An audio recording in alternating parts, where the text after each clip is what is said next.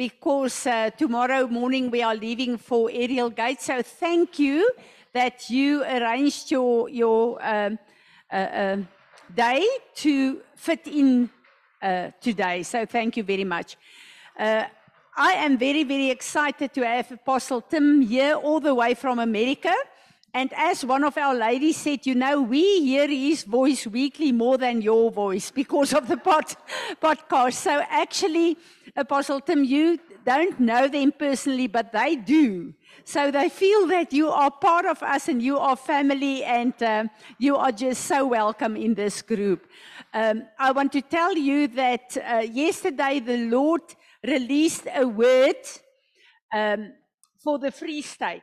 And I'm so excited for that because we are the group that, that pray. And um, he actually had a challenge uh, out and said, next time when he come, our whole community, the, all the roads and the potholes will be fixed. Amen?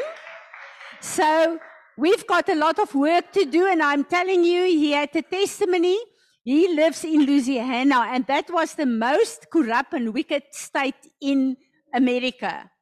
And uh, they started to pray. And it changed within how many years? 10 years. It changed to one of the uh, uh, uh states with uh, integrity. And such a lot of things changed in their government because of that. And today, God gives them from Louisiana really a voice in the government of America. Uh, because they were faithful and they started to pray for their community.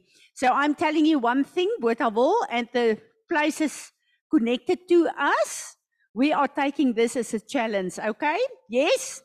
Amen. Amen. Um, this morning we are going to uh, go into a time of worship and then I am going to ask Apostle Tim to minister to us.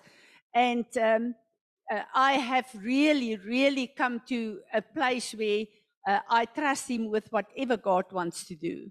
So, whatever God is going to minister to us, we are ready for that. And if the Lord um, uh, uh leads Him, He will also minister uh, personally to people.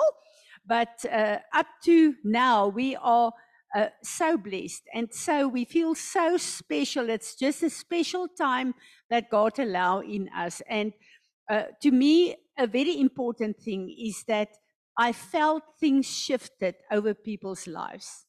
And I felt things that were absolutely just uh, um, uh, um, dormant in their lives. That people stepped up again and say, we will take this to God again and we will walk it out. So to me, that is very, very important. And um, before we go and before I pray, I want to say to you, you know that it's Aerial Gates um, conference starting tomorrow evening. Those of you who can be able, hello, Pastor Maki, all the way from Welkom. Thank you. I'm so glad you are here. Uh, so uh, uh, those who cannot, uh, uh, I know some of you do not know Aerial Gate. There's a few that will not know. Please um, contact Villa and if possible, um, uh, register by Zoom. This will be such an impartation. I know it's a gateway that God is going to use to align us and to restructure us and to reset us in certain ways in our relationship with Him, but also our position on earth for the time coming. It's very, very important. And Apostle Tim will be one of the speakers, he and Dr. Richard Hurt and Apostle Natasha as well. So I am very much looking forward to that. Let's just stand and we are going to go into a time of worship. Father God, thank you that we have the privilege to come and gather here this morning, Lord, to come and honor you and to come and serve you, Father. We are here this morning to say that we are your living sacrifices on earth, Lord. And we want to ask in this morning, Father, that you will by your Holy Spirit come and hover over each and every one of us over this meeting and that you will just bring a divine order in any, any area of our lives, Lord but also in this house. And we want to come, Father, we want to take this time of worship and we want to come and we want to say, Father, we love you. We want to come and give our mouths, our voices, our bodies, Lord, to uh, exalt your holy ni- name. We want to come and agree and slot in with the whole of the universe, Father. And we want to come and bring this worship sacrifice before you this morning. So, Father, we want to ask you by your Holy Spirit this morning, come and work in whatever way you want in our own lives, but also in this house, Lord. And we uh, want the desire of your heart for this moment, Father. We want the desire of your heart. We want to align with that. And we want to be the testimonies on earth that can agree with heaven to say there is no one that can be compared with our God. So, Father, we just want to come and say, We love you. Receive this sacrifice, this offering of worship. Amen. Let's worship. Net daai noot wat ek vir nie mis. Amen. Amen. Tim, that was the Lord's prayer. Prayer. I think you know that. Um, you can be seated. Uh, I am very excited for the word that God gave us um, this weekend. And you know, a lot of times we feel as we pray certain things that we are just a small group. And um, uh, 80% of, of the people surrounding us um, differs from what we believe and what we believe God called us to do. But one of the words that God gave us on Sunday is that we are making a difference and we are keeping stuff out of this region. And that encouraged me so much. And uh, next week, uh, we will take the word and we will see what God told us and we will start warring with that. So, Sunday, those of you who were not there, was an incredible good strategy for us what to do with prophetic word and how to war with it.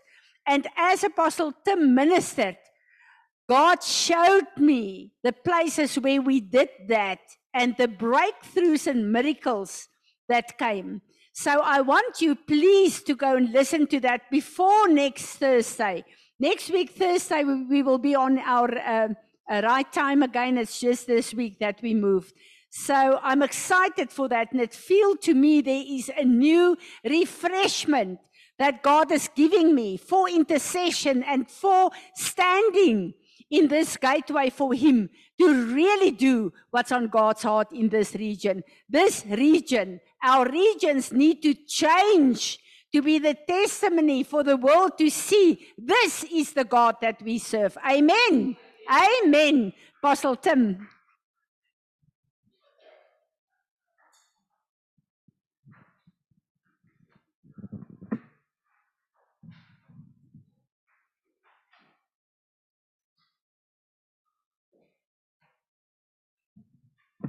Good morning. Can you hear me? May turn me up. My voice is a little bit rust.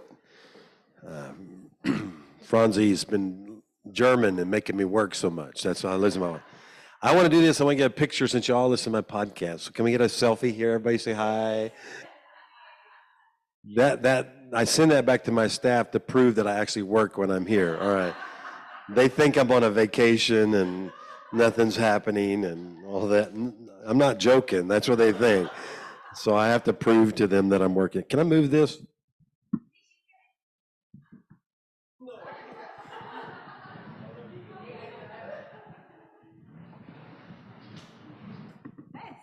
There, I'm lining up with you better.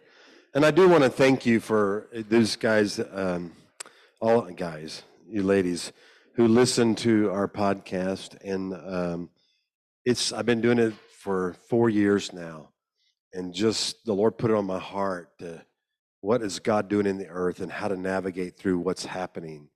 And your testimonies, many of you, some of you have sent comments and testimonies, which really encouraged me uh, to do it every day. And uh, it's a it's a labor of love. It's not you hear oh it's it's a lot of effort. What is it? when you love Jesus and you love doing it, it's not hard. Okay, uh, suffering is what's going on in Israel. You know what, what's going on in China. That's suffering. We we don't know what suffering is. Jeremiah says that you know if you weary with the with the uh, horsemen, what are you? I mean, if you weary with the with the men that walk, what are you going to do when the horsemen come? You know, we are in a time of peace. We're blessed to be in a nation, even though y'all have an unusual nation. It reminds me of my state before we saw transformation. And uh, I come here as somebody, like uh, Franzi said, where we were able to transform where we live into becoming a, a healthy place, a place where we're thriving. And we, we rooted out most of the corruption out of our, our region and out of our state. And it can happen, it's a miracle. Now, uh, ministering to ladies is one of my normal things because my life, my mother was spirit filled. Um, we were in the Baptist church. I know none of y'all are Baptists. I, I notice there's hardly any Baptists here. Uh, y'all are came from the Dutch Reform. Most of you, how many came from Dutch Reform? Everybody, just about. well, it's probably similar to the Baptists. And um, so my mom, when I was a young teenager, probably about 13 or so, she snuck out one night from the Baptist church and went to a Pentecostal church. And they introduced a thing, somebody that she didn't know existed called the Holy Spirit. Uh, because the Baptist church, the Holy Spirit didn't really exist. He was something that you got when you're saved, and you'll you'll get to meet him when you get to heaven. That's pretty much what he was.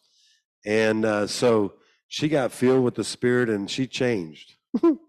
my she changed so much. My dad came one day, said, he yelled at her one day, You love Jesus more than you love me. And you know, my mom, she said, You're right. Uh, she goes, I do. And actually, it was an unusual encounter because she so transformed that me as a young teenager, I saw my mom, uh, you know, a normal mother, you know, going to church and everything, all of a sudden reading her Bible all the time, praying all the time, um, you know, praying in this new thing called tongues, which I didn't know that what that was, but uh, I just knew something changed. I knew she had new joy in her life. Uh, she'd tell me things I was doing that I didn't think she knew, because the Holy Spirit was telling on me, uh, telling my mom what I was doing, and I was really upset with that. But um, you know, moms, I want you to understand that the Holy Spirit will tell you exactly what your kids are doing. Uh, so you don't need spies and you don't need apps on their phone. The Holy Spirit will tell you everything. And uh, so, anyway, um, so she joined a group called the Women's Aglow. I don't know if you ever heard of that. It's a worldwide organization of spirit-filled uh, of spirit-filled women, and they would have meetings like this during the week, and place would be packed, and there'd be one male person there, and it was me, just like our little brother in the back right there. Okay, I, am with you, dude. I was you. I, I mean, I was the only boy there. My mom drugged me to every women's meeting you could find. So, and all these ladies, you know, they love a little boy, you know, so they were always circling around me and praying over me. And I was like, wow, you know, I don't know if I'll ever grow a beard, you know, all that estrogen, so much estrogen around me at all times. But anyway, um, I, I just I had this passion. I said, Lord, why don't men burn like this? You know, that was what that's the, the thing I took from it. So my dad, he he got saved, didn't get spirit filled, but he did get saved. And he took me thing called uh, it was a, a businessman, uh, I forget the name of it. Um, it was an organization for charismatic men. So then I went to meetings where all these men were in there and uh, being spirit filled. And I still wasn't spirit filled.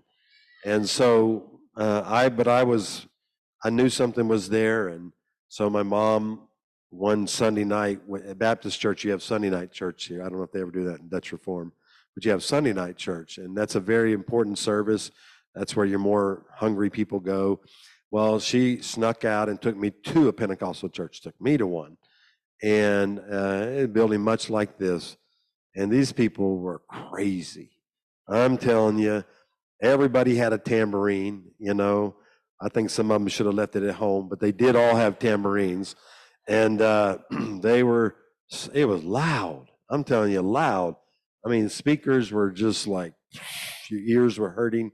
I think they felt the louder it was, the more anointed it was.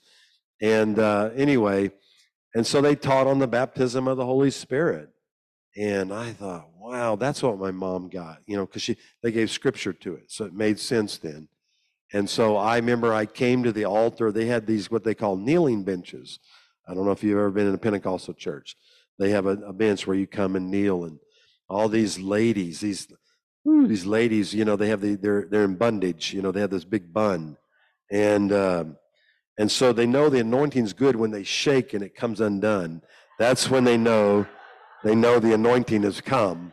Uh, until then, it's just okay. And uh, so there's bobby pins all over the floor and everything. And then they tell me that's if they start sweating, that means the real anointing starts flowing. I'm not joking. I had a Pentecostal man ask me once, "Do y'all run in church?" I said, "No, we don't do that." He said, "Well, how do you know the anointing's there?" I said, "Well, we have other ways." Anyway, so they started, these ladies, these Pentecostal ladies started, and they got in my ear, like I was sitting here, and they started screaming, you know, give him the Holy Spirit, da, da, da, da. and they, they started praying in tongues, and I, I don't know nothing, man. I'm just like, what is this? And they go, now, son, just let your tongue go. Uh, I'm like, how do you let it go? Where, where does it go? I didn't know. I didn't know what that meant, you know. And they go, don't speak in English anymore. I'm like, it's the only language I know, you know. But they said, just let it happen. And so, and then they started giving me like words I could say. Mada, mada, mada, mada, mada, mada. They said, just say that, just say that. So I'm going, mada, mada, mada, mada, mada, mada, mada, mada. I'm trying, and I'm just trying. I, you're a kid, you're just willing to do anything. And so I tried that for a while uh, 10, 15 minutes, you know, and then finally some lady goes, You got it, you got it. And, and I go, I, I got what? What do I have? She says, You got the Holy Ghost. And I go, Okay, I got the Holy Ghost, you know. And so I remember, I don't know if that was the Holy Ghost, but I, I remember I went home and I said, Mom, what did I get? She said, You got the Holy Ghost. I said, Okay. Well, I couldn't pray in tongues. I didn't know what happened, you know. It was about a week later. I was trying to do that tongue thing and do the mata mata fada fada thing, and uh, you know nothing was happening. And so um, I found a book by Corrie ten Boom about speaking in tongues, and um, I start. I'm, I'm, I'm 13 years old, you know, and I found this book, and I was laying in my bed one night and I was reading it, and uh, she has a little chapter in there. It says, if you went to a Pentecostal church and they were screaming at you and telling you to say all this, I said, this is where I was. And nothing happened. And she said, I have something for you. And I said, oh, awesome. She said, just relax. Just lay there and ask the Holy Spirit to come talk to you. You know, and it was just, she calmed everything down, all the craziness of them. I'm not saying they're all wrong. Okay. But, but it, I just laid there, and the next thing you know, I just was laying there a little 13 year old boy, and the Holy Spirit baptized me and just began to wash over me. And I remember I just got undone in that bedroom. I was weeping, you know, as a little boy. And I knew something had happened to me that day. And so I'm women are important to me. You know what I'm saying? Uh, a mother or a woman is a type of the Holy Spirit. She's the counselor, she's the caregiver, she's the one that's sensitive to the things of the Spirit. The father is more uh, a type of the father. And so I, I always, that's why I think I love the Holy Spirit so much and I move in the gifts so much because my mother introduced me to that, identified with that. The, the father issue I had to grow in. I had to learn the Father's love and, and grow through that.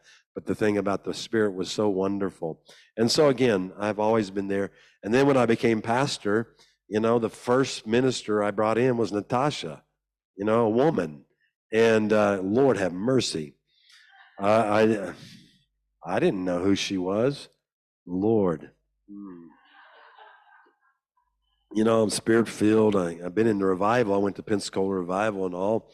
But anyway, she was visiting Liz Arsenault, a friend she, uh, who lives in my, she's in my church.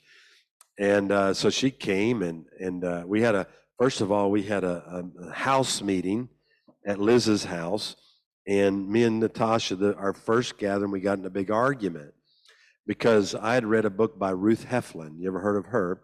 She's a, a Pentecostal lady, and she came out of the holiness movement, and she had a book called Glory.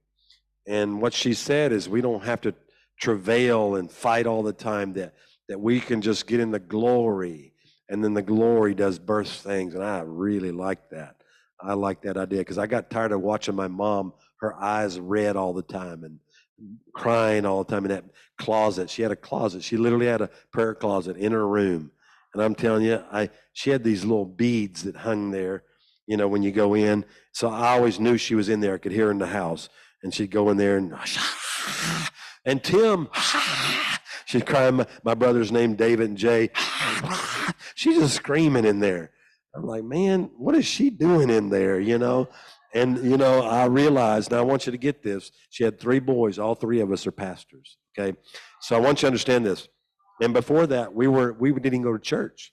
We didn't serve the Lord. So our family didn't do any of that. We got saved before my mom and dad did. So anyway, so I want you to know I believe in those things. But I, I, and she'd come out every day and her eyes would be puffy from praying. And I said, Lord, I don't want that. When I heard Ruth Heflin, oh, just kidding, the glory. Yes, yes, yes, yes, yes. And I don't have to do all that stuff. I can just get in the glory and I can pray and God will show up. So me and Natasha got in this argument. She said, No, you got to travail. You know, you got to, oh, you got to cry like my mom did. I said, No, you don't. I read the book.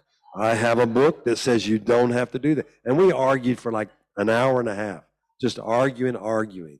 And I, I and uh, she didn't agree, but I, I thought I won the argument. So then uh, they brought in this Jewish guy and his wife into the house, and they, they said, Tim, uh, I want you to pray for this guy. I didn't know anything about him. And uh, so I said, well, sure, you know, we'll pray for him.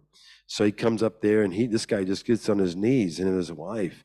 So I start laying hands on him, and I'm, Lord, we just bring your glory. Just let your glory come here. You know, and I'm asking for the glory to touch this man. All of a sudden, I feel a hand on my back, and it's Natasha, Apostle Natasha. And she's, she's doing all that African stuff, you know. And uh, I'm just like, I'm thinking, I'm thinking my mom again, you know. I could hear those beads, you know. That's what I could hear. And um, so all of a sudden, I don't know what happened to me. Something hit my stomach. And, and all of a sudden, I was in pain. I started pain, and all the next thing I, oh, and I'm like, what is this? you know, and, and it wouldn't stop. And she just kept, you know, she's doing this whole thing. And this poor Jewish guy, he don't know what's going on. So I'm praying for him. And the harder she prayed, the more pain I was in. And I said, Lord, that woman is hurting me. I, you know, I bind that right now, you know. anyway, so so she's next thing you know, I, I'm on the floor. I can't even pray for the dude anymore. I'm on the floor. Oh, I said, What is this? What is this? And I didn't know what it was. And she said, She just laughed and That's travail. And it says, You're going to travail this man into ministry. And, uh, she wouldn't let go. She kept her hand on me. I'm trying to crawl away, and she's just following me everywhere and won't leave me alone, you know. And she says, You're going to burst something here tonight. And I said, I'm going to sock you in the face if you don't stop this anyway, I was it was it was not what I planned. And uh, so finally, I started praying for the guy, and some he got hit by the Spirit. And guess what? Out of that meeting, that guy he he was born again barely. He got born again. He started a messianic congregation from that meeting because God burst something in him, and he started a whole congregation to start serving the Lord, and called the Jews in our community to start serving the Lord. So that okay, she's right at least that night. You know, the next meeting at my church, let's pray for the glory. Let's pray for the glory. And I still don't like travail. I don't. I mean, I, and like when she does it at her conferences and they start, I start looking for the door. I was like, I know what's going to happen if I stay in here. I know what's going to happen. I'm going to be down there with them. And but I, I, I know the reality of that. and it is birthing a child. It's like birthing a child. So that's my only experience of being a woman is uh, to have travail that way. I don't, I'm not, I don't dress or do anything else. I just, I have babies with you. That's all I do. Spiritual babies, spiritual babies. All this transgender stuff, you got to be careful, you know.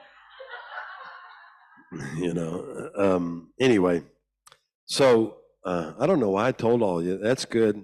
Let's go home. No, no. I want to. I want to. Y'all have. I asked if y'all have Bibles. I'm, i hope y'all do. Uh, open the Song of Solomon, chapter six. and um, if you don't know where that is, it's Proverbs, Ecclesiastes, Song of Solomon. And I and I, um, I even as a little boy. Now this is. I'm, I, I shouldn't say this, but um, in the Baptist church, um, you weren't, no, they never taught out of the Song of Solomon, ever, ever. I never heard anybody ever teach out of it. And so we were little boys and we were doing the Bible study, you know, reading the Bible all the way through, and we got the Song of Solomon. And I thought, there's some weird stuff in here. you know, you're a teenage boy and you're reading this stuff, and it's got words in there that you shouldn't think be in the Bible. And I remember us little boys, we'd sit in a little corner and read it. and we read, look at this breast. You know, we see we see things in there, and we're like, "Whoa, this is the Bible," you know. So it was uh, kind of us the closest thing we did to get to the world, and uh, but I had a drawing to this book, and I didn't know why. I just did, and uh, I remember one time I was I, when I became pastor on Wednesday nights. I taught on the Song of Solomon for seven years, seven years every Wednesday night and uh, because there's so much wisdom and there's so much revelation about the bride of Christ in there. And so I, I got it. I got it. I had a prophet give me a word to start teaching on it, so I did. And so I just had this this passion for it. And uh, I remember I'd been teaching it for so long, and they asked me to speak at a senior citizens uh, retirement home. So that I walk in this place, and all mainly women, but there were some men in there. Everybody probably 75 to 85 years old. Okay, that was the age group. And so I'm trying to prepare for the meeting. They want me to teach for one month. They bring in different pastors, and they would teach for a month, and they bring another pastor in. So they and I said, Lord, what would you have me teach them? And he said, the Song of Songs, Song of Solomon. I said, you got to be kidding, Lord. I mean, these are 75, 85 year old people, and you're going to talk to me. You want me to talk to them about the love of, of, of Song of Solomon? Really? And I had this big argument with God. He said, No, I want you to teach on it. And I went in there and I started teaching. And I'm telling you what, those people, they they ate this word. And they began to understand relationships. Some of them have been Christians their whole life and had never had a relationship with Christ. You understand? They'd gone to church, they had they had done everything God had told them to do, but they'd never had an intimate relationship with Christ. I had the pianist, and she came up to me and she says, Pastor, I've been in church for 75 years. I'm the pianist at my church for 50 years. You're the first preacher I've ever heard teach out of that book. I've never heard any teaching out of it. That's the first time. And she was so thankful. And next thing you know, these people are understanding intimacy. I did that one time to an older lady. She was about to die. She was in hospice. And uh, her daughter asked me to go pray for her. I didn't know her. And I walked up to her in the, the room and I said, I'm going to pray for you. I said, Can you tell me, please, what is your personal relationship with Christ like? And she says, Well, I, I go to First Baptist Church. And I said, Ma'am, that's not what I asked you. I said, What is your personal relationship, your love relationship with Christ? And she says, Well, my pastor is Pastor so and so. I said, Ma'am, that's not what I'm asking you. And she had no answer. She did not know what it meant to say a personal way. She'd been in church her entire life. So I left her. I prayed. I introduced her. I told her what a relationship was, introduced her to her. And about uh, a couple hours later, her daughter called me and said, What did you do to my mother? And I said, What do you mean? He said, She's scared. She thinks she's going to hell or something. And I said, She wants me to bring her Bible and introduce her to Jesus. And I said, Well, amen. You know, she needs that. She realized she was about to see the Lord, maybe, and didn't know him. She had served him all her life. And so the Song of Songs is that picture if you ever get to understand in a special way, there's some great books out there. Uh, uh, uh, Wade Taylor has one of the best books out there about it. Uh, it's called The Stair, uh, St- uh, Secret of the Stairs. That's one good book. There's some other good books out there. I had to start from scratch because hardly anybody teaches on it, hardly anybody talks about it. But it's a story of a young lady who gets introduced to the king, and she doesn't feel good about herself. She uh, she's despised by her family. She's not accepted, and he reaches out and loves her in a special way. And she didn't feel worthy of that. She didn't feel like she deserved that or anything. That's the first chapter. And, and, and as you read, there's eight chapters. And it's a picture of a progression of where you should be in your walk with the Lord. And if you'll study it that way, you'll start seeing yourself in the book. And you'll understand what chapter you're on and where you are. And a majority of people, I want you to understand, in the body of Christ, a majority of people are in chapter one. And some of them have been born again 50 years, 60 years, and they've never progressed. Isn't that what Jesus said? They said, when we did we not cast out demons? Did we not do all these? He said, I never knew you. In other words, you did the stuff, but I didn't have relationship with you. And I want you to understand that. So um, the journey of intimacy, of relationship with the Lord, is something that we have to go on. Now, why is that important? Why is it important, especially as you ladies? You can, you're going to get it better than men. When you find a man that gets it, he's a special man. He's going to manifest differently, but he can do it. And I, and I love those people, uh, men that are like that as well. And I have men in my ministry that understand this and get it. And, I, and I, as we as we progress this way, it gets to that place where I allow him to take the dark places of my life and bring his light to them and that passion of that and understand that this is the call of the church. Now, I have a theology that's different uh, than most on this. Everybody else is wrong. But I have this theology that I, know, I believe there's a body of Christ, but I don't believe everybody pursues to become the bride of Christ. I don't think there, there's a place where you can progress to that. It doesn't, you know, in a wedding, when we have a wedding, let's say we have a wedding in here, we have the bride, right, and the groom. We have the, the minister, Christ. Then we have friends of the bride, friends of the groom. Then we got family members. Then we got friends of the family. And then we just have regular people. And that's a picture of the church. You have people that are want to be married to Jesus. They want to be close to him. Then you got these others that they're close to others that are close to Jesus. Then you got people that are family. They tied into, they're close to those who are close to those who are close to Jesus. And then you have those that are further out. Now, uh, you get born again, you're guaranteed salvation. Amen. Salvation. When Jesus is on the cross, and this thief is over here who's never heard anything, he's never been to church, don't know anything about religion, and he accepts Christ and he says, to, and Jesus says to him, Today you will be with me in paradise. Paradise is only used two times in Scripture, only twice in Scripture, there and in Revelation. And in Revelation, there's a seven church story. There's seven churches, start church of Ephesus and ends at the church of Laodicea. And that's also a progression of the body of Christ. The first chapter, he says, To him who overcomes, you will have the right to be with me in paradise. So those are the people that barely make it. They have what we call a garment of salvation, not a robe of righteousness. Okay? So when they when they come into the, the paradise, their their garment of salvation, which is they didn't do any good works, they didn't serve the Lord, they didn't fall in love with him, but they did accept him. They accept him. And so when they get in there, there's smoke coming off their garment. I mean, they just they're snatched from hell. Hell had them and they just they barely got away, and they made it. And then if you keep reading in there, and it says, To him overcomes, it gives you a new name. You start growing. Then you have uh, the, the stone and all, and all the way to Laodicea, where it says, To him who overcomes has the right to sit on the throne. That's the highest pinnacle. That's the marriage.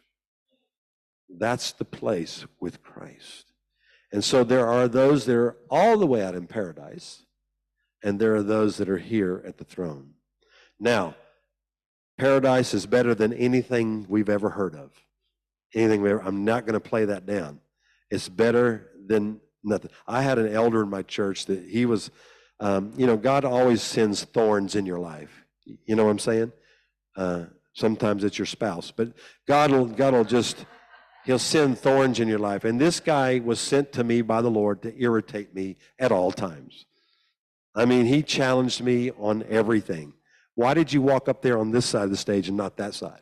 You know, things like that. You know, I remember when I kept bringing in Natasha and other women ministers. Do you not like men? Why do you always bring women in? I mean, that's this is this is this dude. And so I said, Lord, is this man saved? I, I, I began to wonder, does he know you at all? And he had a dream. So we started doing dreams and stuff, and he not had any. He finally had one. He said, Pastor, I finally had a dream. I know y'all teach on that all the time. I wasn't. He said, I had a dream. He said, I, I, he said, I was taken to heaven. I think, he said, I think I was dying. I died, and I made it to heaven. And when I got there, I put my hands on the wall. He said, I was just so thankful I was there. He goes, What's that mean?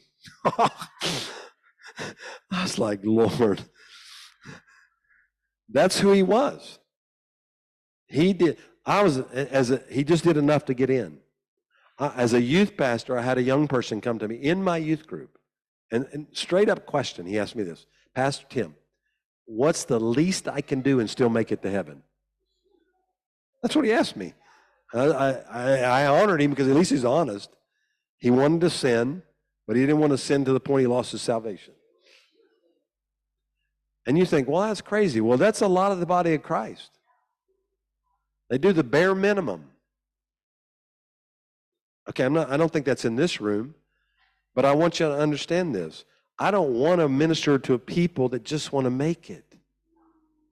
I, I will minister to them, but I want people who want to go all the way, who want to be married to Christ, who want to be with Him. And Jesse Duplantis, he's a minister from Louisiana. You probably heard of him. But he was taken to heaven. And in his encounter, he saw this. He saw the garments of salvation, the robes of righteousness. He said he would see people with garments of salvation, and when they'd make it to heaven, they would see the throne way off, and they'd want to run to the throne. And angels would stop them and say, No, you didn't learn down there, you must learn here. And so the paradise is a learning center. It's what you didn't spend your time doing here, you have to do there. And so they had to learn the foundations of the faith. They had to learn about, about baptism. All the simple things that we take for granted, they had to learn them there. That's where all the aborted babies are. That's where all the babies that were miscarried, they're all there because they were, uh, many people have seen them there because they're learning because they didn't get a chance to learn here. And so, guess, think about that. You've been in church 50 years and you go to a place where you see babies and you're having to learn just like them. You understand? And that's that's a majority of the body of Christ. Okay? I'm, you know, sometimes at funerals, I just I know pastors are trying to help grieving families, but sometimes I wonder if they don't make this person a saint when they were really a sinner. And what that does to the audience, it says, well, if you just do what they did, you'll make it. I'm, this is a funny story. I had this, uh, my janitor at my church, he, a precious black man. He's my friend. Uh, he, he helped me become a pastor. He really did. Because I, I, when I became pastor, I, I, I did everything in the church. I cleaned, I did what, and he pulled me aside and said, Pastor Tim, you're pastor now. Now stop that. You get in that office and you start praying. You do. So he really helped me become a pastor anyway, so we, we knew this guy. He'd come to our church, but I'm telling you, I don't think he was saved. He was a heathen. He's a womanizer, tell dirty jokes all the time. Anyway, he had died, and the pastor was up there just telling how wonderful he was and this kind, giving man, and, and just went on and on. And this guy's named James. I call him Mr. James, a southern man. He leans over to me goes, Pastor Tim?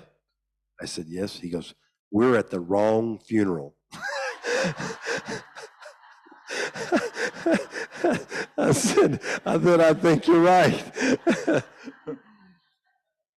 and I don't want some pastor have to make me a saint at a funeral because it's too late. I should have already had that relationship.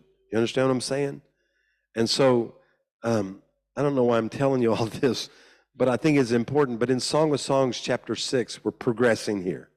Because this is what I want to say to this group, which I think is a, a word for this group. We'll just call y'all the bridal company, you know.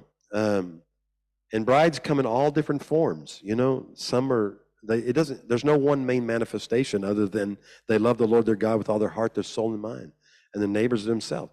Uh, and I think that's the key. In the fourth verse, and, and I know this is poetic, so, and I don't know how it reads in Afrikaans, but here's what it says it says, You are beautiful as uh, uh, Tirzah, uh, my darling, it's as lovely as Jerusalem, as awesome as an army of banners.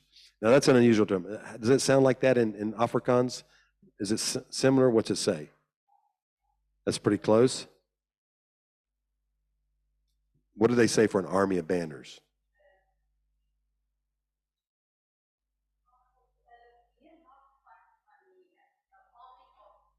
Okay, that's what it said. Okay. So this would be a banner, right? This decrees something, right? We stand with Israel and the Jewish people. So it's a declaration. So everybody who comes into this church knows what? This is what you stand for.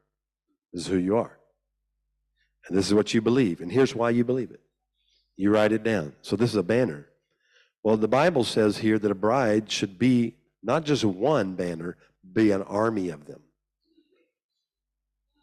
And and in in in that age and even medieval ages, armies came and they carried banners before they went into war. And what they would do is they'd carry these banners and they would be the story of the victory over their enemies. So they, they beat this people or they beat that people. And so uh, an opposing army would see them coming and look at all the banners. And they go, oh, wow, they beat that group of people, they beat that group of people, they beat that group of people. And it would intimidate them in order to look, we're facing a mighty army. And they would start backing up and make another decision. Should we fight them or not? Do we want to be one of those banners? Do we want our name on that banner? That this army, this fierce army, is going to come and do that? Well, what the bridegroom is saying here of the bride is this woman has overcome many things. She has overcome bitterness. She's overcome anger. She's overcome rejection. She's overcome all these things. And so what happens is when she goes into war, Satan looks at that and says, Well, I can't come against her with rejection. I can't come against her with anger. I can't come against her with bitterness because she's overcome that. So what does he do? He has to make new plans because he's seeing a mighty army coming. Because every banner speaks of the victory of the Lord. The enemy then also knows what the Lord has done for her. And so that when she comes against him, she comes with a mighty army of the Lord. And that is what's coming against. And I'm telling you, guys are fighting for South Africa. You're fighting for the nations. You're fighting for your cities. You're fighting for your families. You understand? How many banners do you have? How many things have you overcome?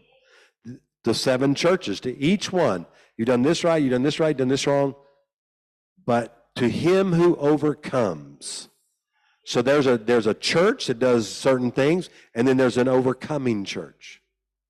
There's a separation. There's a difference there in that place. And so here she is. Now, this, this Tirzah is a, is a beautiful city. It's known as a beautiful city because now in this story, the bride knows her position in Christ because she's dedicated to him, eh, dedicated, and now she radiates the beauty of the royal city, which is Jerusalem too, as well. She's obtained that beauty through communion with the King. Now, when she started in the first chapter, she said she had to tell everybody, "I'm dark." but I'm lovely. If you remember that part of the story. And what it was, everybody was making fun because she was out in the fields working all the time. And so her skin was dark. Uh, now white people do that to look that way. It's weird. But anyway, uh, we, we, we, we do this. But here's the thing. And she knew she had some beauty in her, but everybody rejected her. So she was trying to, to find a way to tell people, I am beautiful, even though you don't say I am. She was starting her battle to start getting her first banner. Her first banner was to overcome rejection rejection of the brothers and sisters in Christ, rejection from her family. She had to overcome that because how could she be a lover and be somebody who partners with the king to rule the earth if she doesn't know who she is and understand how powerful she can be? And if she allows rejection to rule her life, she'll never do the things it takes to overcome. If I'm going to confront the mayor of this city in the spirit and I'm intimidated by him and I'm afraid he's going to reject me, I will not speak to him what needs to be spoken. So therefore, I'll not get what God said I should get when I speak to him. Because maybe the Lord says to go speak to him and he'll fix the roads.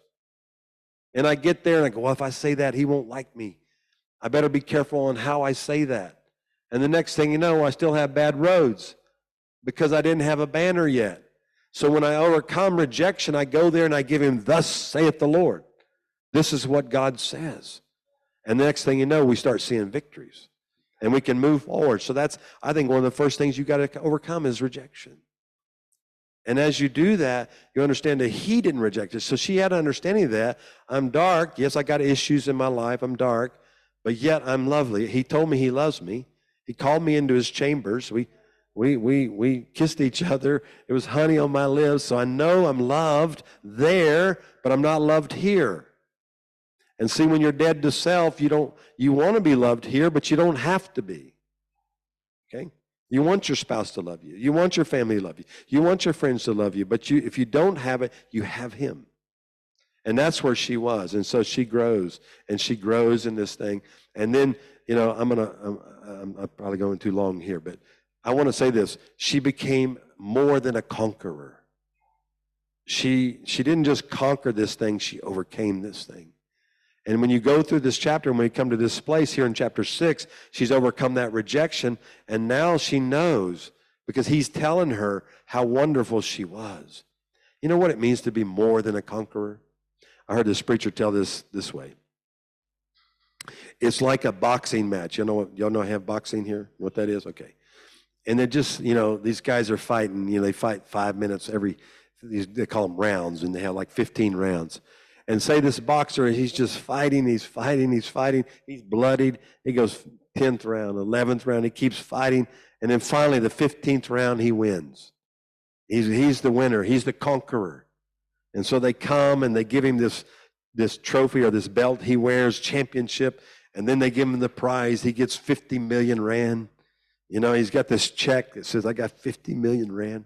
I'm loaded now. I have it. I have it. I'm a conqueror. Thank you. And then what happens is his wife comes in the ring. And she walks in, she takes the check because she's more than a conqueror. Do you understand that? He was the conqueror. Jesus was our conqueror, and we get the rewards of his suffering we received the benefit. We didn't have to fight that way. He fought. He overcome death. He defeated Satan. He went and took the keys back from hell. And all we have to do is take the reward of that suffering. So I think that when we, we're crying out for breakthrough, he's already had breakthrough. That's why our love for him and love of being with him will know those revelations. But if you're not close enough to know those revelations, if you're not going to dig in a word like this, you're not going to see that. And you're not you're going to live a life that's less than what you're called to live. So we, we move forward. There's an old song I gave a word to somebody Sunday, but I found the words to it. Onward Christian Soldiers. It's an old song we used to sing. Marching as to war, with the cross of Jesus going on before. Christ the royal master leads against the foe, forward into battle. See his banner go. So we move forward, right? We move forward. Now, let me prove to you, and then we're going to pray over some of you people, how precious she was. In that chapter, the next verse, uh, he's uh, you know, he's enamored with her, to say the least. And it says this turn, he's saying this to her turn your eyes away from me, for they have confused me. And of course, this kind of gets weird here, but your hair is like a flock of goats that have descended from Gilead. And it's, that's a reference to if you ever watch on the hills when, when goats or sheep, and then when they move, if you look from a distance, it looks like they wave. That's, that, that's the reference to that. But anyway, he says this turn your eyes. And the Passion Translation says it this way He says to her, Turn your eyes from me. I can't take it anymore. I can't resist the passion of these eyes that I adore. Overpowered by a glance, my ravished heart undone. Held captive by your love. This is the Lord talking to his bride. I am truly overcome. For your undying devotion to me is the most yielding sacrifice. So, what happens here is, is this whole thing that we never really see that Jesus needs reciprocal love. We, he's the giver, he's the lover, right? So we're always receiving his love. Oh, I feel Jesus' love. Oh, he loves me so much. And we tell everybody, he loves you, he loves you, he loves me, he loves you.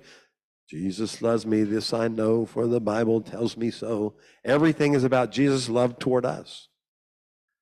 Where do we see people in the body of Christ lavishing love upon him? Does he ever have the chance that he gets to be with you where you're not asking him something? You're not asking him for your family. You're not asking him for your city, your nation. We're going to do that. We're going to pray those things. But what about some times where you're just telling him how wonderful he is and how much you love him? Look, if my wife didn't do nothing but come to me and ask me for stuff, what would I assume? I would assume nothing more than I'm a sugar daddy. You understand? I'm here to go to work and bring the goods so she can go get stuff she wants. If she doesn't say every once in a while, you know, you're I love you, I wouldn't know. I would think all she wants from me is what I can give her, not what she can give me. That's why the Bible says submit one to another. We show love one to another. And sometimes us as leaders, we're always giving, and, and, and people will honor us but is there true love? And we have to do that where we show that. And so what happens here is he she so shows her love to him that he says, Turn away from me. In other words, my heart's beating so fast, I, I can't look anymore. You've overwhelmed me. Did you know that you can do that to Jesus? You can, he can, you can have that moment, uh, we're not perverted here. This is, this is a spiritual love. And this is a place where he's undone by what you are doing to him. We get undone by what he does to us, but he can get undone by what we do for him. Can you imagine that? Uh, there, love is not love unless there's a choice, right? If, if, if I say you love you, I have to have a choice not to love you. And when somebody willfully loves you, it blows my mind. I mean, when a human loves another human, truly loves it, it blows my mind. It's a choice that they make to deny anything else and say, I'm going to love you. Even if others reject you, I'm going to love you. And that's what we do in marriage, yes. This is a picture of marriage as well. But this is a whole thing that it always amazes me. I've been married. We uh, my anniversary was last week. We were supposed to be in Jerusalem on our anniversary, but we got canceled. We've been married 40 years. That's a long time. Uh, 40 years is how long you're in the wilderness, so we're coming out this year. But um, but but for 40 years, never once have I or her ever thought about divorce in 40 years. Killing each other, yes, but divorce, no. Okay? I'm sorry. I'm glad this is not being recorded. Is it being recorded? Uh, hey, look, just because you love somebody doesn't mean you always like them. Okay? You understand? And there are times you don't like each other. You, just, you know, 40 years, you know, it's pretty rough at times. But nonetheless, uh, we have both willfully chosen to love each other without compromise. So we have this trust that is invaluable. You can't measure the value of that. That we trust each other with our whole heart. I'm not worried she's back home with somebody else. She's not worried I'm here with somebody else. She's not worried that I have another lover. I'm not worried she has another lover. That's what Jesus wants. He doesn't like sharing you with other lovers. And how many lovers do people have? You understand? And you can imagine. I remember one time when the compu- when when internet came out. Remember internet? If you're old enough, when it first started, I was absolutely fascinated that you could have all this information right at your hands. And I mean, I was just like, I was just, I, you know, Christian sites and, you know, Bible studies. And I was just like, I was, I mean, I was spending hours and hours and hours. So I have this dream. And in this dream, uh, my wife has an affair in the dream. And I, I mean, pain that I have never experienced emotionally. There's nothing more than being betrayed like that.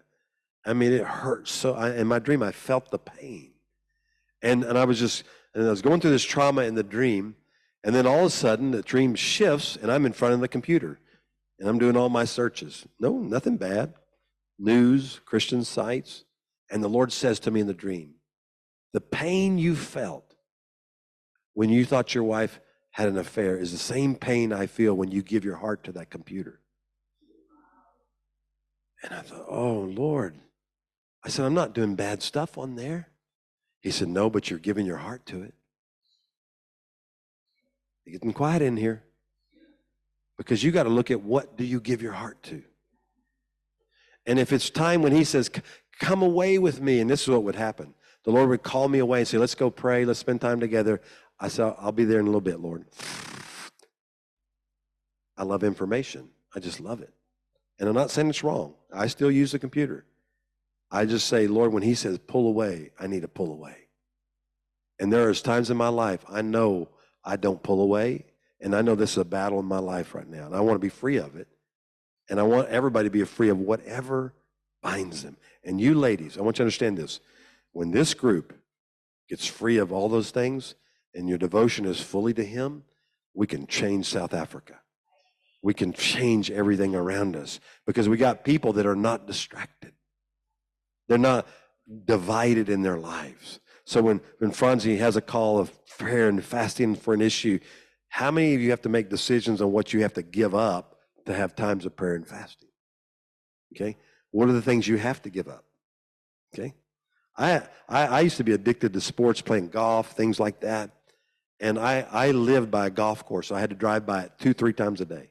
And I used to play many times a week. And I said, I couldn't get free of it. I loved it. And I said, Lord, I can't get free of this. You got to help me. And he took the desire out of my heart and gave me a greater desire for him. I drove by that golf course every day, didn't bother me anymore. That's when you know you're free. That you can go right to it and it doesn't bother you one bit. Well, that's where she was.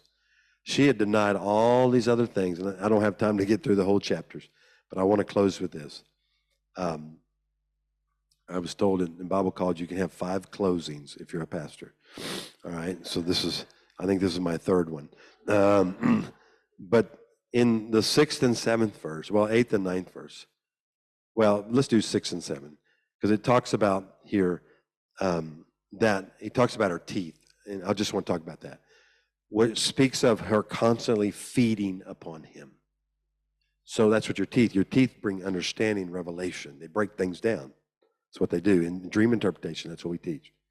So she's always doing so he talks about her teeth because he he notices that she's constantly eating the things of God. That was my mom in that prayer closet, constantly eating the things of God. That's why my dad says, You love Jesus more than you love me.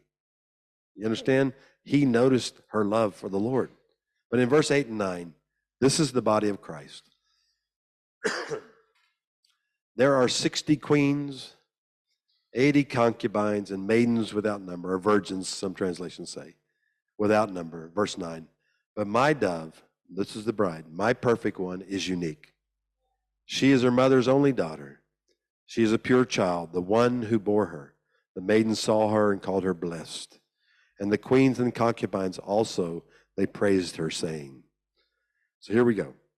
So we see a breakdown of the body of Christ here. Queens, uh, they occupy the highest and most honored position. Then you have these concubines, which would be the next level that's further away from the king. Then you have virgins. Virgins have been brought into the house of the king to be prepared for final acceptance by him. Now, very few, and, and this is a type of Solomon, he had 700 wives. It's a type of Christ and all the wives that he has. Very few made it from virgins to queen. Very few. And on top of that, of his 700, only one he called his bride. So we see a picture in the body of Christ that out of large numbers, there's just one. Bob Jones was taken to heaven, and the Lord showed him that less than a little over 1% of the body of Christ would be considered the bride of Christ. 1%. That means 99%. Now think about a virgin. A virgin is somebody who's never had relationship. They never had relations. So here's what happens. When you get born again, you sign the marriage contract. And this is what would happen to Solomon. He'd bring a, uh, somebody into the, the, the tribe, and they'd become his wife. They would sign a contract that I am married to Solomon. Everybody knew you were married to Solomon because now you had a place in the kingdom. He had a house for you, he had something for you, but you never were with him. You would see him off to a distance. You'd see him when the queen and the bride would come in, this, this dove that he's talking about, this precious one, and you'd long for it. And you go, wow, I'd love to have that. I'd like to be with him. But it was a beginning. You had to progress. Everything in the kingdom is progressive. You don't get born again one day and become the bride the next because you have to go through sanctification. You have to pay the price. Esther is our picture of that. Remember, she's brought into the, the harem, whatever you want to call it. And so, in order to be the queen, she had to go through six months of getting all the junk out of her. So they went through these treatments. They take these girls and take them through these treatments, and they'd scrub their skin with these loofah things, whatever you call them. They look like they come out of the ocean. I don't know what they are. My wife has one. I hear her in there all the time. You know, that stuff's on the floor. I don't know what it is. Anyway, um, don't tell her. Don't tell her I'm saying this stuff. Anyway, I, I think she's just trying to get f- some extra tissue. Anyway, um, maybe all the dents will go away, you know. Anyway, but uh, you ever notice that? You get, older you get, get hail damage. You know what that is? Anyway, so, but they would do this, and they were constantly cleansing her every day, getting dead skin off of her, removing any layer of her life, anything in her that wasn't beautiful. And that's what happens when you get sanctification. Every day somebody rubs you. Every day the Lord is trying to get the flesh off of you. He uses Satan all the time to do that to you. I was reading today in Judges, and there was these two enemies, and the Lord said, He the Bible says, the Lord sent an evil spirit so that those two armies would fight each other. So what the Lord does, He'll send you an evil spirit. He's not Satan, but He'll send an evil spirit and allow that thing to, to make a civil war with you in order to see if you'll fight. And you're, get thee behind me, Satan, I rebuke you. And, and the Satan didn't go away. You know, he doesn't leave. He just keeps beating you up. And the Lord said, Who is me? It's me. You're looking the wrong person that sent that. It was me. And so what is it doing? It's cleansing. She had to go through that for six months, every single day, probably eight to ten hours a day. She was going through this treatment. You need to get into, into boot camp. That's like going to boot camp to become a soldier. You don't just do it once and every once in a while, but you start doing it where you allow daily, I die with Christ. And what happens is God, so what's this happen? This happens for six months, right? And then what happens at the end of six months?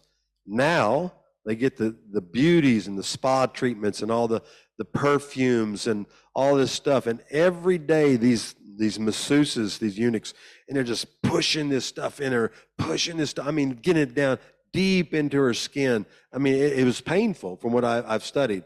It was very painful what they were doing. Every crevice, every part of her body, they lathered her with all this oil and all this stuff. I mean, she probably just like she would, you know, go through a door and just slide through a door because she was so slick. You know, every day she would just had all this stuff on her. You know, and and think about the next day. Well, wasn't yesterday enough? No, we're gonna go back for six months, seven days a week, going through this. What was he doing? What was he doing? Here's what they were doing. Because they wanted their queen not only to be beautiful, but they wanted them to smell good. They wanted to have the skin, soft skin. And the main thing they did the oil for and the perfumes for was when the heat of the day, when it's 38 Celsius, when it heats, sweat and, and a lousy smell doesn't come out of her, perfume comes out. And what that speaks of is when you get in the fire of the battle, that the beauty of who He is comes out. Not that ugly stuff that's in you, not that anger, that bitterness, all those things that just spews out of your mouth because you didn't go through the treatments to get rid of it. See, every time you manifest something that's not Him, it's a sign that you didn't allow Him to finish the work in you. You may have started it, but you didn't finish it. So sometimes we grow in levels, right? Our anger level will go a certain level and then somebody hits a new button. I didn't know that was there. Have you ever said that? I didn't know I had that inside of me. I thought I dealt with that. And Lord gives me dreams all the time, let me know I haven't dealt with it. And I, just when I think I've arrived, Lord gives me a dream and says, Nope, you still got this. Because that's how much He loves me. He wants me to smell good in the fire. There's a, a in a martyr in the book of martyrs, a guy named Polycarp and uh, they they burned him at the stake. And when they put him in the fire, they said it smelled like bread that was being cooked. And he was walking in the fire. Because, see, he had become so close to Christ that what Christ was in him, even in the fire, came out of him. That's what she was. And she was a terrible army of banners. Okay, how do you kill a dead person? you can't. She was dead. By chapter 8, she's dead. So it doesn't matter what the enemy does to her, she's dead. I'll come against your family. I'm dead to that. I've taken up my cross. I've died to that. I'll take away every your possession. I'm dead to that. He's my provider. I'll do this to you. I don't, doesn't matter. He will provide for me. See, that's what it means to be the bride of Christ. And here's the ultimate thing the bride of Christ in Esther's story as well as this one, up to half the kingdom was hers. And she had equal authority as the king. So that's what it means to have dominion in the earth. Is that I'm so close and one with him that when I speak, it's as if he speaks. And it's not like I'm speaking 30% of him, I'm speaking 100% of him. And when I'm a queen, in other words, if, I, if I'm the bride, the army of banners behind me tells the spirit realm that I am. Acts chapter 19, they cast out the demons, right? And they said, Jesus we know and Paul we know, but who we don't know who you are. Because that those guys had no banners. They were saying the right things, they were trying to do the right things, but they had no banners. And the devil looked at him and said, Mm-mm, You haven't won any victories, and we're going to beat the snot out of you. And they did, they beat him up. And when you get beat up when you're in warfare, you have to ask the question what did Satan see in me that he could beat up? What area of my life had I not sanctified that he could attack? I've had a rough year. I've lost three loved ones. I lost a brother, my dad, and my mother in law, all in one year. And David said there's a place called sorrow upon sorrow. And I've experienced that to a degree. But people have looked at me and my wife and say, How are y'all doing it? It's just one tragedy after another. And I have to say, I don't know. I don't know what we're doing anything different. I must, fortunately, I'm thinking we died enough to that stuff that we didn't allow it to destroy us. We got stronger rather than weaker. We got broken rather than hard. I'm not bragging. I, I didn't do anything. It was the Holy Spirit. And I, so it was a test. You don't have character unless you have a test. When somebody tells me, oh, God's given me a revelation of love of Christ. Oh, really? Let me put you in leadership at church.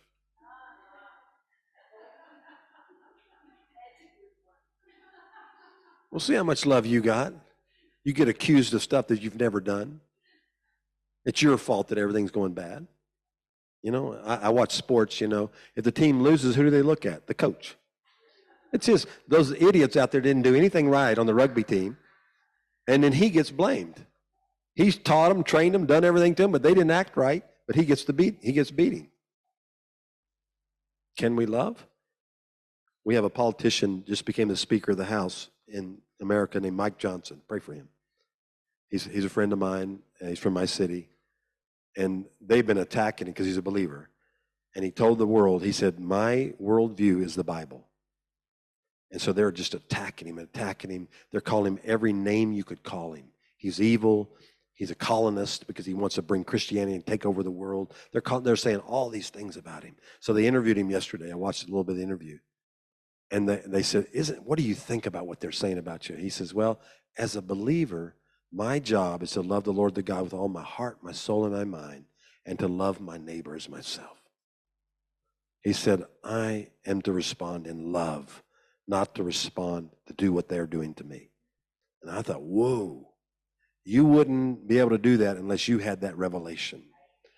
And you had been rubbed enough by people who've accused you, falsely accused you, and so longer, no longer are you bent to their opinion. You're going to have the opinion of the Father of your life. Okay, I think this is a good word. I think uh, I think I'm going to get the recording and just get saved again. All right. But I want to. You want to add anything to this? Okay. Okay. All right. Good. And I again, I, had seven years of this. Somebody says, "Can I get those tapes?" I said, "You don't want seven years of tapes. I promise. I promise you, you don't want seven years." I had I had a brother. He he just got saved and he wanted to be in ministry and he wanted to learn. And so uh, there's a preacher in America named Kenneth Hagin. You ever heard of him? He, he, he preached for 50 years, 60 years. So he he called their ministry and he said, "I want one tape of every message he he's preached." And they said, Sir, do you know how many messages he's preached? And he said, No, it doesn't matter. Just send them. He was wealthy. And uh, they said, Are you sure? He said, Yeah, just, just send me a bill. I'll pay for it. He had no idea. He said the truck, the, the, the, the truck came with a lorry and just filled his whole house with boxes and boxes of tapes. You know what he said he did? I listened to every one of them. He said, I, I listened to every single one of them. And he said, I began to learn what faith was and I learned to grow. And what he did, he started breaking things in his life. I'll tell you one story. He wanted to be in ministry so bad. I mean, he couldn't get in it. He'd studied, he'd done all that. He followed. He was following another prophet everywhere he went. Every weekend, he'd he'd fly and follow this prophet, and became a friend. Just kind of served him, armor bearer, and he and he did all this. But he wanted to be in ministry, and he just couldn't get opportunity. So he had this encounter, and he was taken to heaven. And he came, and he came to this room in heaven and there was a door there. And he knew this door, if you go through, you could ask the Lord for anything, and he would give it to you. And he was like, That's it. I'm going to ask for ministry. This is my opportunity. I've been praying about this and seeking the Lord. And he said, The door opened, and there was Christ in his radiance, the beauty of Christ. He said, It was unbelievable.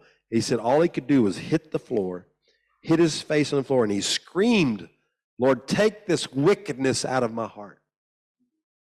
Because what he had done is he had made ministry an idol. And in the presence of the king, you realize what's important. And he said he came back to his body, and didn't even want to be in ministry. He said, it didn't matter anymore. He realized it was wicked. And within a month or two, he was in ministry. Because once God takes that out of you, you're qualified. And to have an army of banners means you've had things taken out of you and you're qualified to go to war. That's why when you read in the book of Numbers about who goes to war, it lists who should go to war and who shouldn't. If you don't have bravery, they don't want you there. If you're sick, you don't go there. If you have somebody just died and you're grieving, you don't go to war. There's times to go to war and there's times not to. And sometimes the body of Christ is not good. Let's all go to war. And you got wounded soldiers going into battle. And that we don't need that. We need people that are healthy in the spirit, who are ready to go. There's people we don't invite to intercession. We love them, but we know they're not ready for what we're going after. We say, you can, we'll pray with you out here. We'll be in this group, but not this group because we're going in there against principalities and powers. And I don't want you beat up. you understand what I'm saying? So we want people to have lots of banners.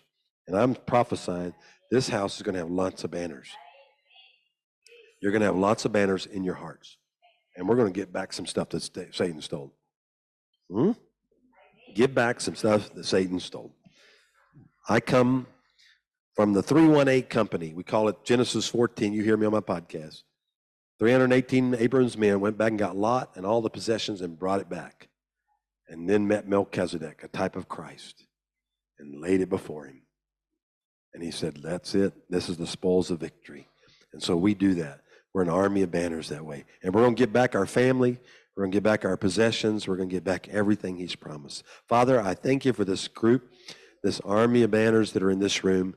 Lord, I thank you for Franzi and what she's built here, Apostle. And I thank you for the team that has worked with these ladies. I thank you for the progress they've already made. And we only ask for increase of, of that in the name of Jesus, Father. I pray, Father, now that the prophetic be open in this room, that we flow in Jesus' name. Amen. Okay, so I'm to pray over a few of you. I won't be able much. My voice is just about gone. But um, if you have to leave, I always say this you're free to leave. You've heard me this is the third time I've said it. I'm not offended by that. I have many people leave my meetings. Many. There's times I tell my deacons, lock the door. I'm tired of people walking out. How are you? You doing good? What's your first name? Juliet. So no one thing. Okay. Lord, I thank you for this. Huh.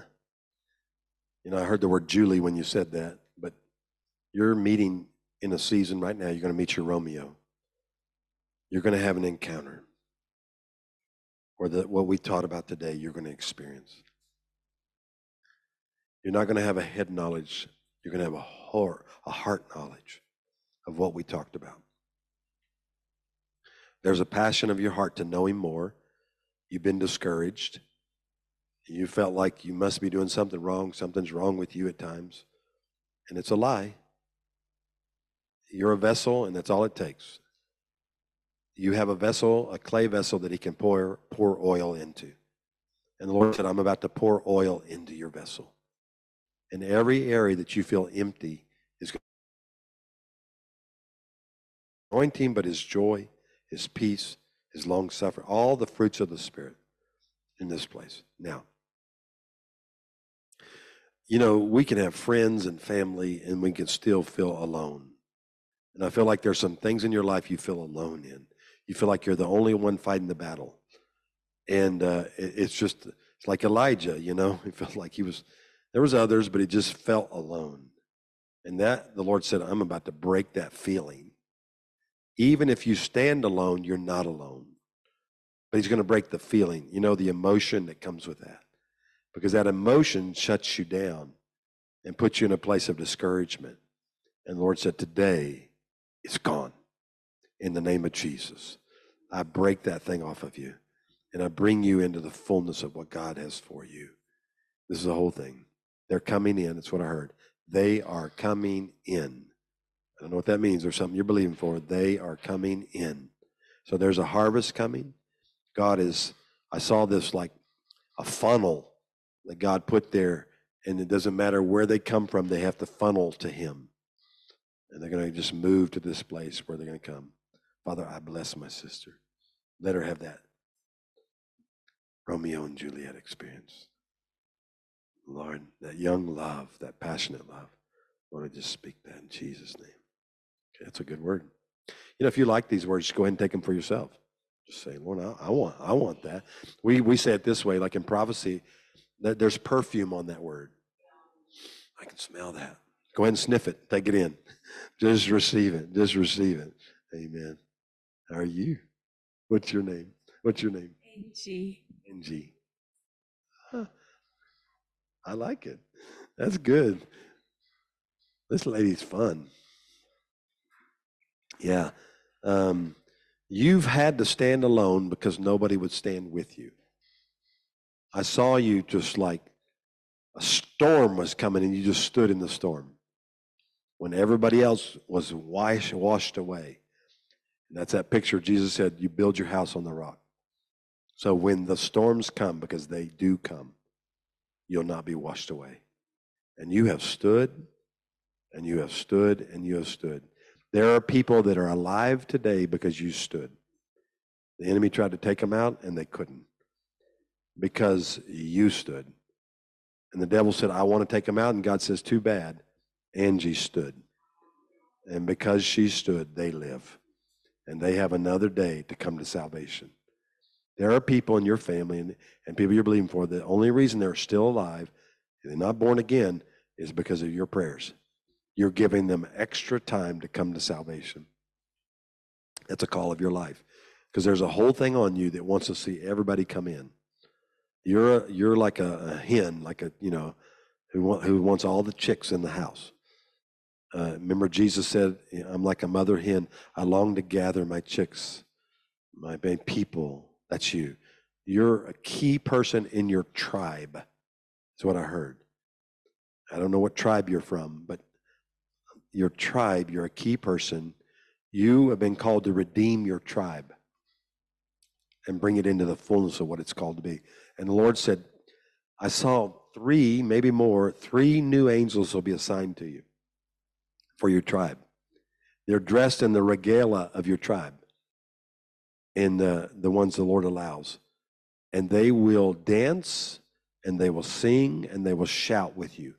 I want you to understand that. Every time you dance, sing, and shout, they dance, sing, and shout with you. And it's like a rhythm. Y'all going to be in a rhythm. These angels in you are going to be in a rhythm. And said, Lord said, watch for the harvest. It's coming. The harvest is coming. Lord, I thank you for this girl, this woman, this mighty dove that you called apart. Yeah. You're going to experience what it means to be his lover. I like you. What's your name? Agnes. Agnes. Hmm. I like Agnes. Agnes is, she's a sergeant in the army of the Lord. I saw these stripes on your side, uh, sergeant stripes. I mean, you tell people what to do. I mean, it's good. There's people need discipline. And you enjoy it. There's something about you comes alive when you get to tell people what to do. And, and what you see is they're wasting their lives and wasting their time. And what God has given you is the grace to show you who needs to be disciplined. You really show love, but you show in a different way than most. But it's love. It's a way to set the captives free. You see their path before they're on it. God has given you eyes of discernment and a heart to see them rescued. Agnes, you are his watchman. I kept seeing that.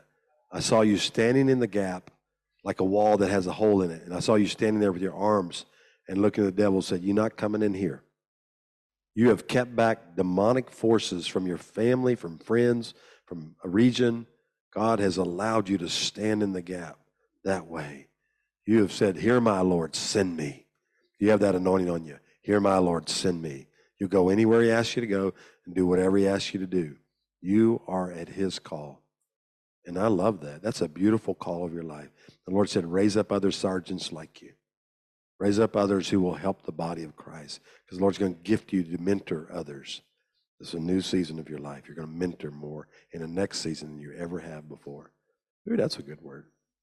So this is a lady you want to go to war with. You understand? That's what you want. You want that to happen. That's good. Wow. I hadn't seen you in a while. Good to see you. You were teaching. Yeah, yeah. Yeah, I missed you. Cause you you're not teaching anymore, right? Are you you backsliding or something? What's going on? No, I'm teasing.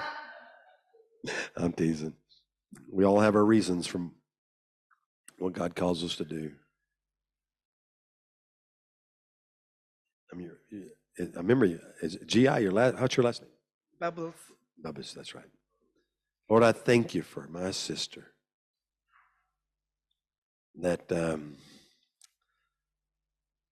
the Lord said, I saw you walk in this path, and the Lord's going to make a slight deviation in the future. It's not going to be much. You're going the right way, you're doing some of the right things, but there's going to be a slight deviation. You know, if we start walking to jo- Johannesburg from here, and we put a line there, okay, I'm going to walk there, but you start off a few centimeters to the left, you're going to end up in Ghana. you know what I'm saying? You're going to be in a different place. And so the Lord, that's what kind of Lord's going to do. You're going this way, but He's going to deviate you, and you're going to end up in a different place than you think you are. The Lord said His plans are not your plans. His ways are not yours. You know that. You know what the Word of God says. Because you've really been seeking the Lord for direction. You've been seeking Him for your the plan of your life. And there's nothing wrong with that. You've been seeking Him on that way. But the Lord said, die to your plans and live to His. For the Lord said, I'm about to drop a new revelation on you of this whole thing of your gift to encourage and bring life to things that are dead. I, kept hearing you, the Lord said she's got a resurrection power. And the Lord said you're supposed to birth things rather than being something that's been birthed. In other words, people prayed you into things and called you in, but the Lord said you're going to be a, one who births things in the Spirit. And you're going to be a mama in the Spirit. Look, God has not failed you. I feel like this whole thing come on you that God, what happened? I was believing for this and it went this way. God said it's all about your character. I'm making my character in you so full that you're going to walk, talk, and look like me. So you're in a you're in that six months of treatment where the scraping. That's where you are right now. I mean, God is trying to deal with your flesh and your ideas and your ways, and uh, He does this with all of us. You're not special. but it's your time to grow and become His bride and become the one who no longer lives, but Christ lives in you. This is your season. You're going to make it. Do you hear me? You're going to make it. God is going to give you the strength to do that. Father, I break discouragement. I break rejection. I break those things that have tried to ruin her mindset. Father, I decree that right now. It's a new day. You hear that? It's a new day. Old things are passing away. All things are becoming new. Ooh, that's good. That's good. That's a good word. You, you sat back here to hide? Did you? What's your name? Ilusha. Okay. What's that in English? Does it have an English name for that? Okay. Um, okay. We're just messing with you. Woo! I saw you as a dancer. I just kept seeing this dance on you, and uh, I don't know if you dance in natural, but I think you could get that rhythm. Everything starts rocking. I don't have it. I can't dance. I have a spirit Caucasian, but um, I kept I kept seeing this thing on you of getting in rhythm with God. And this message today is for you because God says Jesus says I want to dance with you. And I saw you dancing with him, and you're like stepping on his feet. And you know what he said? It's okay because you've been trying to walk this walk and you keep you feel like you've been messing up you can't get in rhythm and lord said it's okay we're learning we're in training but I, then all of a sudden i heard this day's coming soon when you're going to be in rhythm. And you're going to be in rhythm with him. And it's going to be so that when he moves to the right you move to the right. When he moves to the left you're going to move to the left. You have worried about everything around you and the lord said stop it. Okay? Let him deal with your heart, and God will take care of everything around you. Okay? So there's circumstances around you. That's what it talks about in Matthew 6 33. Seek first the kingdom of God and his righteousness. And it says, then all these things that you're worried about are going to be taken care of. You're worrying on the exterior when God is trying to get you to focus on the interior. So this is your interior designer word. God is remodeling you. And you're going to come out as a model Christ. You're going to come out. You know when they do those makeover of those houses and you don't they you don't get to see it until it's finished. Guess what? God is working on inside of you right now until that finished work happens. So God has allowed enough irritants in your life to get rid of things that you don't need There are things that you've lost. Don't grieve over them, the Lord says. Don't grieve over what you lost because what you gained is greater than what you lost. And so this is a season of restoration, healing. Something happened to you, betrayal or something. Something happened to you that didn't work out the way you thought it would. And it kind of shuts you down for a little while. You're coming back. You're the comeback kid. When everybody thought you were down, you came back. You've always been a fighter. I kept seeing you as like this athlete, just you know, just as like you compete. You're very competitive. You know, you you compete playing cards. You know, whatever. You want to win. You're a winner because God has called you to be a winner, and you will be a champion. Here's what the Lord said: You're going to be a dread champion, a champion that the enemy dreads, because you're going to take back territory that's been stolen.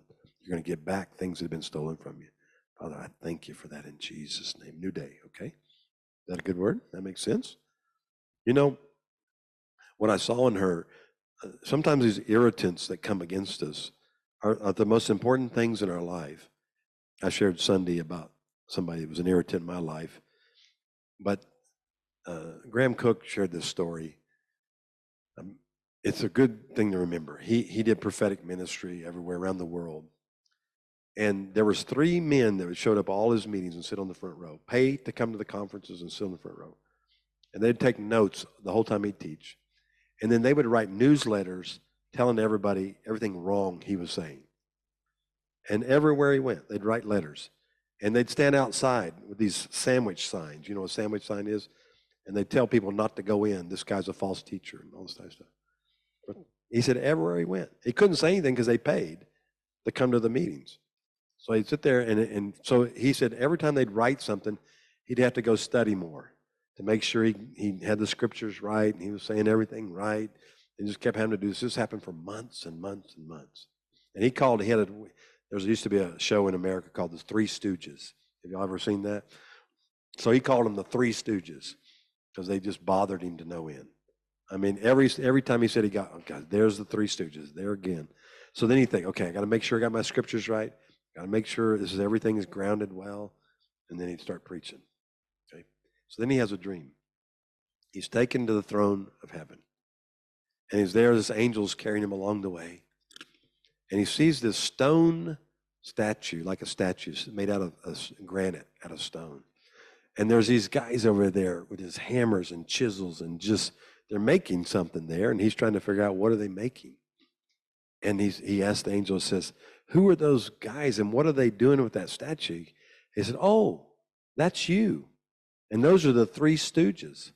God's using them to form his image in you.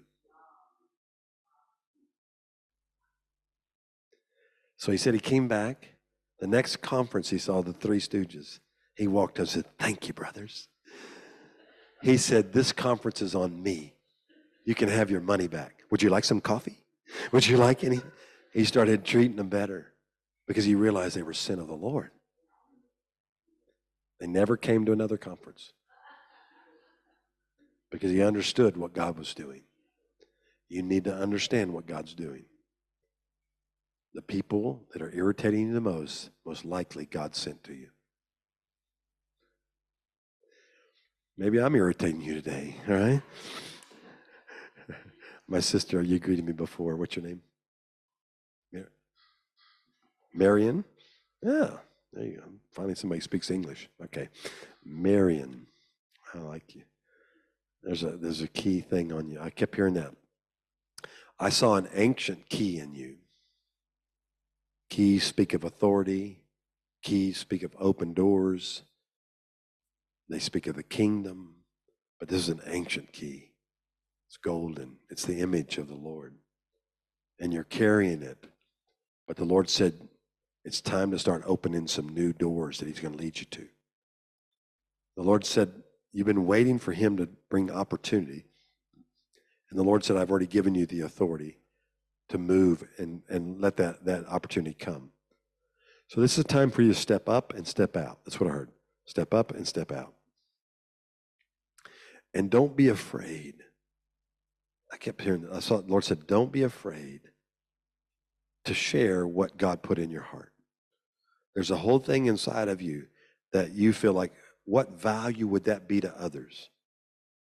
And the Lord said, Stop that. And you never know the weight of the value that He put in you. And the Lord said, Do not judge what happens when you share. For you, if you're not careful, have judged their reaction and not the fruit. And the Lord said, When you put stuff in people with this ancient key, you're putting stuff in them to unlock doors in their life, unlock areas of their heart that are locked up. Here's what that's what I really feel you have a key for is to break hard hearts. People that are just discouraged, depressed, grieving, going through hardship. Because God has carried you through enough storms, you have enough banners to know how to set others free from the storms that they've been through. You've seen God pick you up from the floor when you were knocked down and barely could get back up, and you got back up. That's a banner. That's a strength that you carry. And the Lord said, There are many that need that strength in this hour. Be faithful to say what He tells you to say. I saw Jeremiah chapter 1. Before you were in your mother's womb, He anointed you and set you apart. And the first prophetic lesson that Jeremiah had was when he when he God says, "What do you see?" He says, "I see the branch of an almond tree," and the Lord said, "You see very well." That was it. Lord said, "Just say what you see. Don't worry about how it sounds or what it looks like. Just say what you see." And God's going to give you vision to see some things, and all you have to do is say what you see. Lord, I just ask for the prophetic gift to come alive in her, that Miriam who sits at the feet of Jesus will get words from the feet and share it with others. That's what I really feel like you're called. Your name is proper. It is one who spends the perfume for him in order that you can share what you get at his feet. Okay, that's a good word, isn't it? I think we should all do that, but that's a word for her. If you need to leave, please don't feel like you have to stay. Mm. Sorry, the voice. That's your daughter, right? What's your name? I didn't hear her. Salumi. Okay. Salumi. What's that in English? Do you know? Salome. Ah, that's good. Like salami? Like the meat? The the meat? All right, okay. you know why you named her that? Okay. Or something. Okay. Yeah. Um you're in the midst of a great battle over your identity. You're in a battle. It's okay. We all go through it. Who am I? What am I? Where am I? you got a lot of questions. I just kept seeing question marks all over you. Uh, you're afraid to put yourself out there because of the, the pain of what's happened when you put yourself out there and how you've been treated by others when you were vulnerable. And there were times you were vulnerable and it and it didn't turn out well. You got taken advantage of by being honest. And so what that's tried to do, the enemy tried to use that to allow you not to be vulnerable anymore. And so you put some walls up. These are protective walls. You're not going to get this close to me. You come this close, but no closer, because you're not going to hurt me. And I want you to know the Lord wants to heal first all those areas. He wants to heal every area of your heart that has gone there. You are in a season, this is a season you're in, of healing. You don't go to war right now. It's not wartime for you. It's time for you to rest. It's time for you to rest in the goodness and the love of God. And just let Him lather you with His love right now. Let him tell you how beautiful you are to him. And you are beautiful. You are precious in his sight. And the flaws that you see, when you talk to him about what's wrong with you, he listens, but he says, I don't know what you're talking about because that's not what I see. You do not have his eyes, you have yours. And the Lord said, The day is coming where you're going to have dove's eyes, you're going to have his eyes. And you're going to see yourself, and you're going to see the world, and you're going to see others the way He sees them. You're going to see major transformation. It's going to change your heart so much, your interior, that your outward's going to change. You mark my word. It's going to change the way you look. It's going to change the way you feel about yourself. Everything. You're going to have a, a whole self worth image change. You're going to find worthiness in Christ in such a way that everybody's going to wonder who is she? What happened to her? What transformed in her? So I want to say that to you. This is your season of transformation. Don't try to overthink and overprocess because that's not your season right now. Your season is to be healed. And I speak that to you right now in the name of Jesus. Be healed, be made whole. See, that's difference, right? You can be healed, but be made whole. And there's something, there was some abuse, I don't want to say abuse, but I don't want to expose anything, but I'm just telling you something happened that caused you trauma. And God said, I'm going to heal that. And you can trust again. It's coming back where you're going to tear that wall down and you're going to be vulnerable and you're going to be who you are, and God's going to let you experience His amazing love. Father, I just speak that healing right now in Jesus' name. That makes sense? Okay, okay. When you change image, it's very important. I remember, um, well, I tell too many stories. That's enough. I'm losing my voice anyway. What's that? I know. I don't judge somebody by the way they look outside. I always look inside. I encourage you as a prophetic person, always look inside. Go beyond that. I was mentioned in Bulgaria once, and um, I was tired. I'd been driving all day on Bulgarian roads. You think your roads are bad? Theirs are theirs are worse. And uh, I came to this meeting. I was tired. Didn't have a right attitude, but God gave me a good attitude. And Lord gave me a word in there. And there was this this. I knew she was a girl, but she was dressed like a boy. And uh, they said she had changed her name and all. She was going through that whole process. And here's what the Lord said to me She's beautiful, and tell her she's going to design dresses and women's clothes. And she's going to be known for her artistic gift of the beauty and the femininity of what she draws. And I thought, who said that? I said, because the natural was totally opposite. And so uh, somebody had brought her to the meeting. She didn't even go to church there. So I prophesied that to her. I told her all this stuff. She she didn't really respond. I didn't know. I told her what I told her. So about six months later, I come back, same church, and I'm just meeting everybody. And this beautiful little girl comes running up to me in this beautiful dress, and she's got this, um, you know, a notepad like this, you know, but it's a big one. It's a big one. And she goes, "Do you remember me?" I said, "No, no." she, she goes, "You prophesied to me. You said I'd design women's clothes and everything." And she pulled out her sketches, and she had been designing dresses and clothes and everything, and she actually got a job designing feminine clothes. And she said, God changed me. I'm a woman. I want to be a woman. I want to be what God's called me to be. And I was like, whoa. See, that's what I, I was freaked out, you know? I was like, you're pretty good, bro. you know, no, I, I didn't build myself up. But I, I just thought, wow, when you look inside somebody, you cannot judge. As we as ministers, like you're a minister. Don't judge by what you see on the outside. Pour it in in the name of Jesus. Reward. Reward, reward, reward. You're going to get your reward. I just kept seeing that.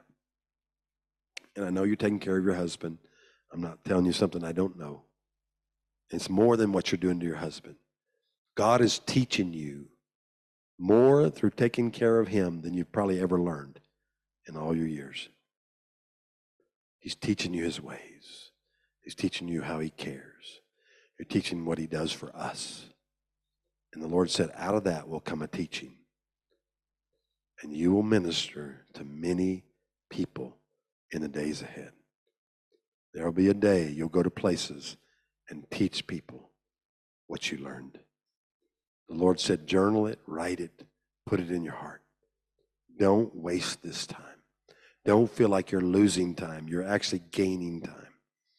God's going to have you come out of this stronger and better than you when you went in.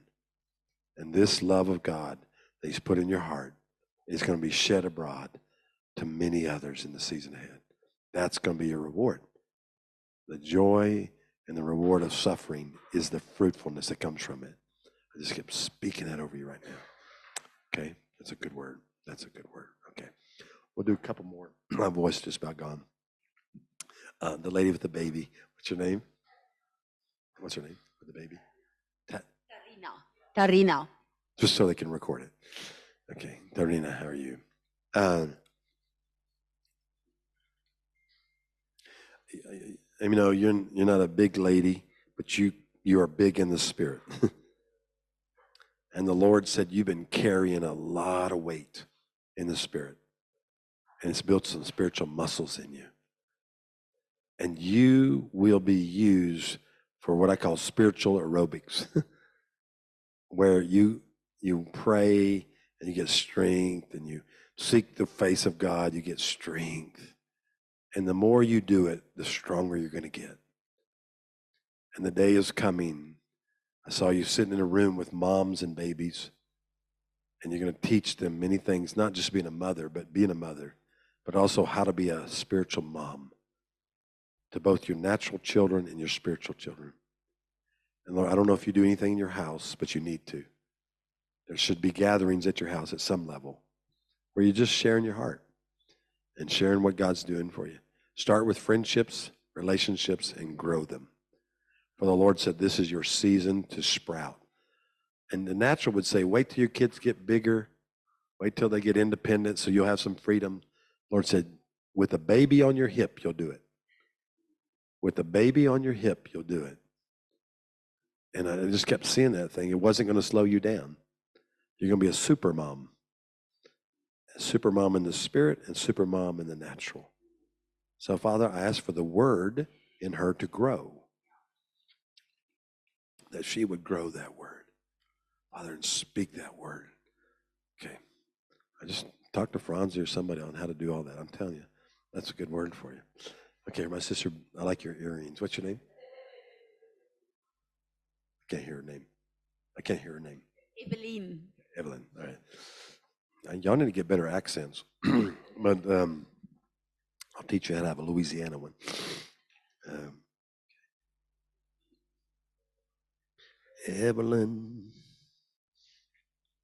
You know, Eve is in that word, and she's the mother of nations. And you have a mother's anointing to birth and to pray for nations. And, you know, like they have this thing of Africa up here. I saw you with like that, having a heart to pray for other nations. And the Lord said, an intercessor is as important as a preacher. Don't measure your importance by your platform. The Lord said, measure, He measures it by your heart. And your heart is to birth His purpose. I saw Psalms 2 written over your heart. Psalms 2. So you, you spend some time in Psalms 2. That the nations are his inheritance. And how we war against the kings of this world. And the Lord laughs at them. And he brings us into a place where he becomes victorious. You're a fighter and a warrior. You've always been that. You've had to fight for many things in your life. And you everything you've gained, you had to fight for. But I want you to know it created a warrior spirit. And that warrior spirit's going to come out in the days ahead. Father, I thank you for what she's sown, but I ask for the next season to be even greater. Father, give her this heart to grow in it in Jesus' name, okay? Fight that fight. Amen. All right. I'm sorry. I'm out of juice. My go go juice went gone gone. I can hear that, but thank you so much. It was really such a blessing. Let's give the Lord a hand. Amen. Amen. Wonderful. Next week, um, Thursday, 9.30 again, but we are going to have tea with um, Apostle Tim and something nice to eat as well.